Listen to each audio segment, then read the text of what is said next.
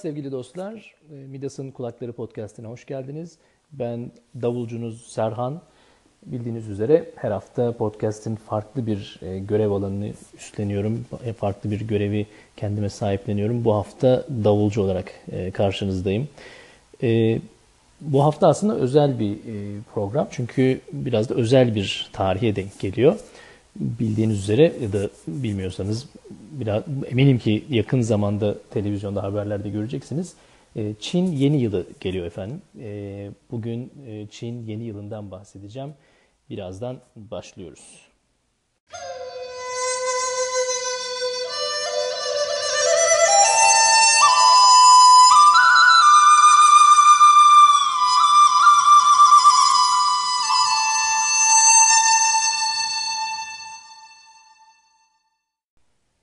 Efendim tabii Çin yeni yılı deyince aslında ilk bahsedilmesi gereken konu Çin takvimi olmalı.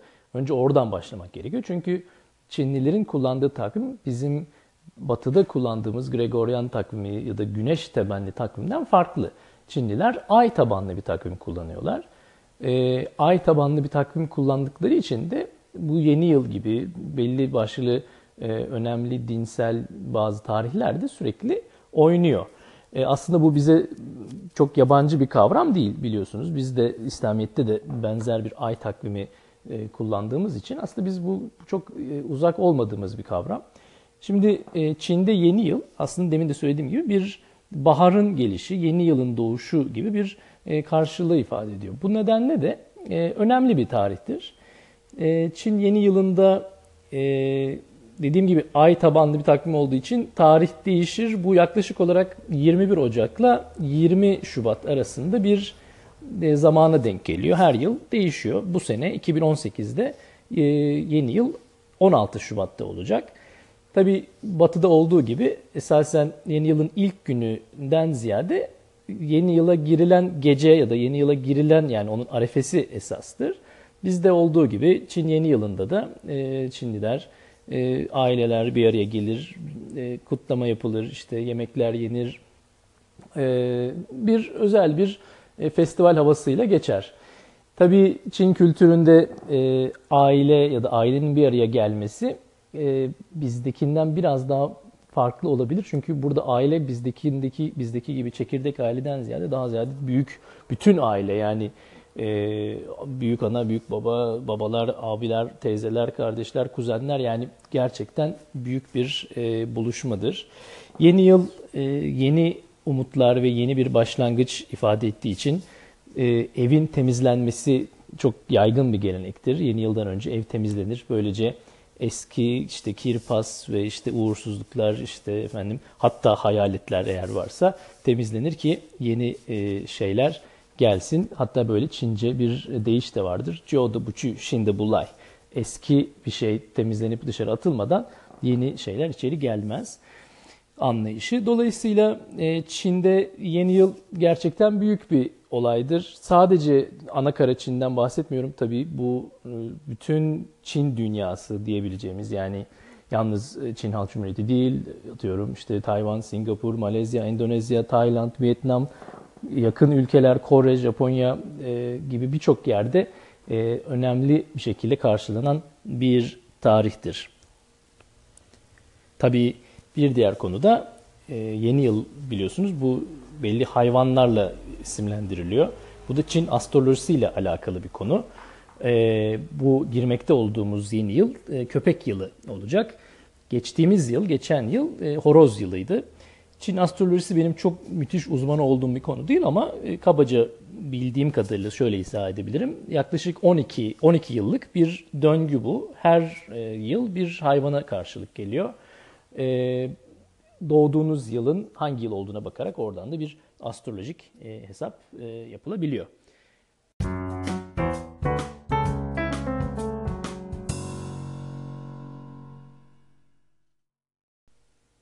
Şimdi Çin, Çin Yeni Yılı kutlamalarında çok e, sıklıkla karşılaşılan şeylerden bir tanesi bu e, e, havai fişekler ve işte çatapatlar vesaireler. Bu aslında enteresan bir mitolojiye dayanıyor. E, antik zamanlarda e, Çinlilerin başına dert olmuş olan bir canavar var. Bu canavarın adı Nian. Nian aynı zamanda yıl anlamına gelen bir kelimedir Çince. Nian denen bu canavar e, tam yeni yıl gecesi köye inip köydeki çocukları ve aslında karşısına çıkan her şeyi yiyip yutan böyle korkunç bir canavar. E, bu canavarla nasıl baş edeceklerini, nasıl mücadele edeceklerini bir türlü bulamıyor köylüler uzun zaman. Gel zaman git zaman e, bir yaşlı bilge bu fikri atıyor. Diyor ki bu canavar böyle çatapat gürültüsünden, havai fişeklerden çok korkuyor. Biz eğer böyle bir şey yaparsak bu canavarı e, uzaklaştırırız ya da onun bize saldırmasına engel oluruz. E, bu tabii bir efsane doğruluğunu yanlışlığını bilemiyorum ama hala geleneksel olarak yeni yılda havai fişekler ve bu işte çatapatlar, firecracker'lar her tarafta e, ortalığı kasıp kavuruyor. E, bununla beraber e, Nien canavarının kırmızı rengi pek sevmediği, ondan korktuğu düşüncesinden de dolayı e, Çin yeni yılında evlerin, pencerelerin, işte kapıların hep böyle kırmızı bazı ornamentlerle süslenmesi, bazı kırmızı e, yazılarla işte üzerinde uğur getirmesi, işte bol şans ya da bol kazanç getirmesi ile ilgili dileklerin yazılı olduğu bazı şeylerin asılması da e, çok yaygınca görülen bir şey.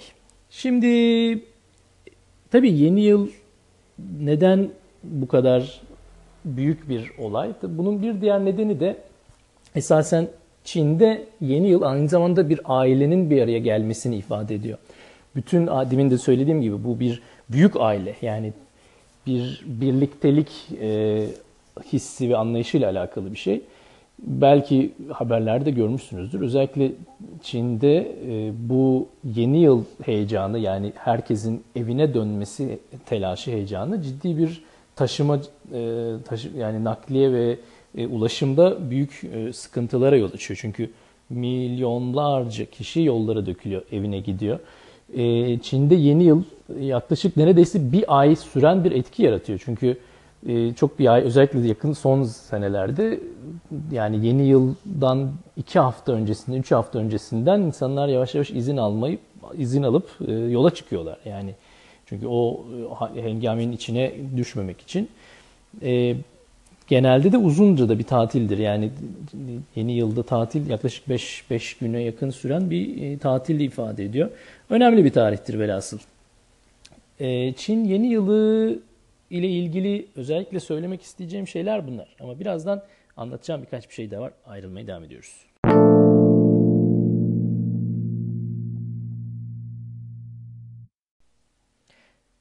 Çin yeni yılıyla beraber aslında önemli bir konu da Çin takviminin e, hayattaki etkisi. E, demin söylediğim gibi Çin takvimi e, ay ay tabanlı bir takvim ama bu sadece basit bir geleneksel bir şey olmanın ötesinde günlük hayatta hala etkisini sürdüren de bir olay. E, esasen bu ay takviminin bir diğer adı Nongli yani taşra takvim ya da geleneksel takvim diye de geçiyor ama bu yalnızca eskiden gelen işte taşrada tarımla ilgili işlerle ilgili gelen bir alışkanlık gibi gözükse de hala 21. yüzyılda etkisini gösteren bir şey. Evlilik, cenaze, ev taşıma ya da işle ilgili, business'la ilgili e, bazı olaylarda hep bu takvime bakıp tarihin uygun olup olmadığının kontrol edilmesi çok yaygın bir uygulama. E, demek istediğim örneğin evlenmek isteyen biri evlilik tarihini uygun bir tarih bulup o tarihe denk getirmesi ya da bir işle ilgili bir e, yeni bir başlangıç yapılacaksa, bir dükkan açılacaksa ya da yeni bir makine alınacak, yeni bir şey yapılacaksa gene tarihin uygun olup olmadığının e, takvimden kontrolü çok yaygın bir şey. Bizim bile yaptığımız bir şey çok açık söylemek gerekirse yani bizim de işlerimizde e, çok e, dikkat ettiğimiz bir konudur. Buna bir yani bir bağ, bağnazlık denilebilir, bir batıl inanç denilebilir ama e, benim her zaman söylediğim gibi yani kültürün içinde var olan şeyleri saygı duymak gerekir. Bu da e, bu kültürün içinde var olan enteresan bir kavram.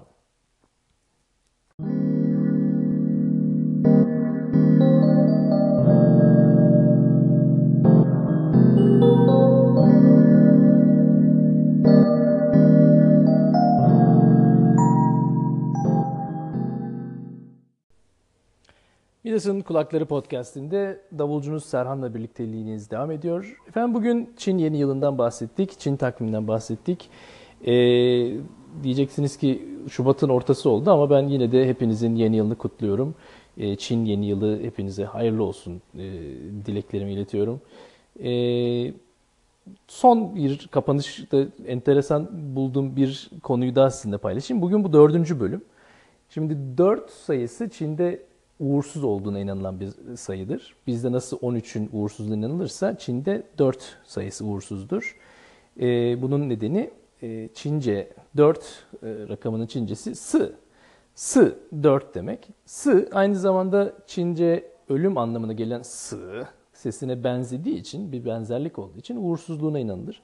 Ama bu o denli ciddidir ki yani bazı binalarda dördüncü kat yoktur. Yani 1, 2, 3, 5 diye gider. Dördüncü kat bulunmaz. Eğer varsa dördüncü kattaki kiralar örneğin daha ucuzdur. Çünkü kimse oturmak istemediği için yani dördüncü katın ya da bu ölümle ilişkilenen bu sayının e, etkisi hayatın içinde çok kendini gösterir. Özellikle hastanelerde çok net fark ediliyor. Hastanelerde dördüncü kat yoktur. Yani ciddi bir şekilde ona dikkat ediliyor.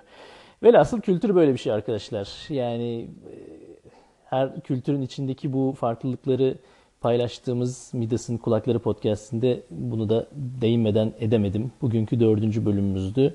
Hepinizi çok öpüyorum. Sevgi ve selamlarımı sunuyorum. E, yorumlarınızı, e, eleştirilerinizi, fikirlerinizi lütfen bana iletmeye devam edin. E, geçen haftadan, geçen haftalardan beri sürekli eksik olmayın. Desteğiniz çok e, önemli benim için. Çok öpüyorum. Tekrar görüşmek üzere ve hoşçakalın. Bay bay.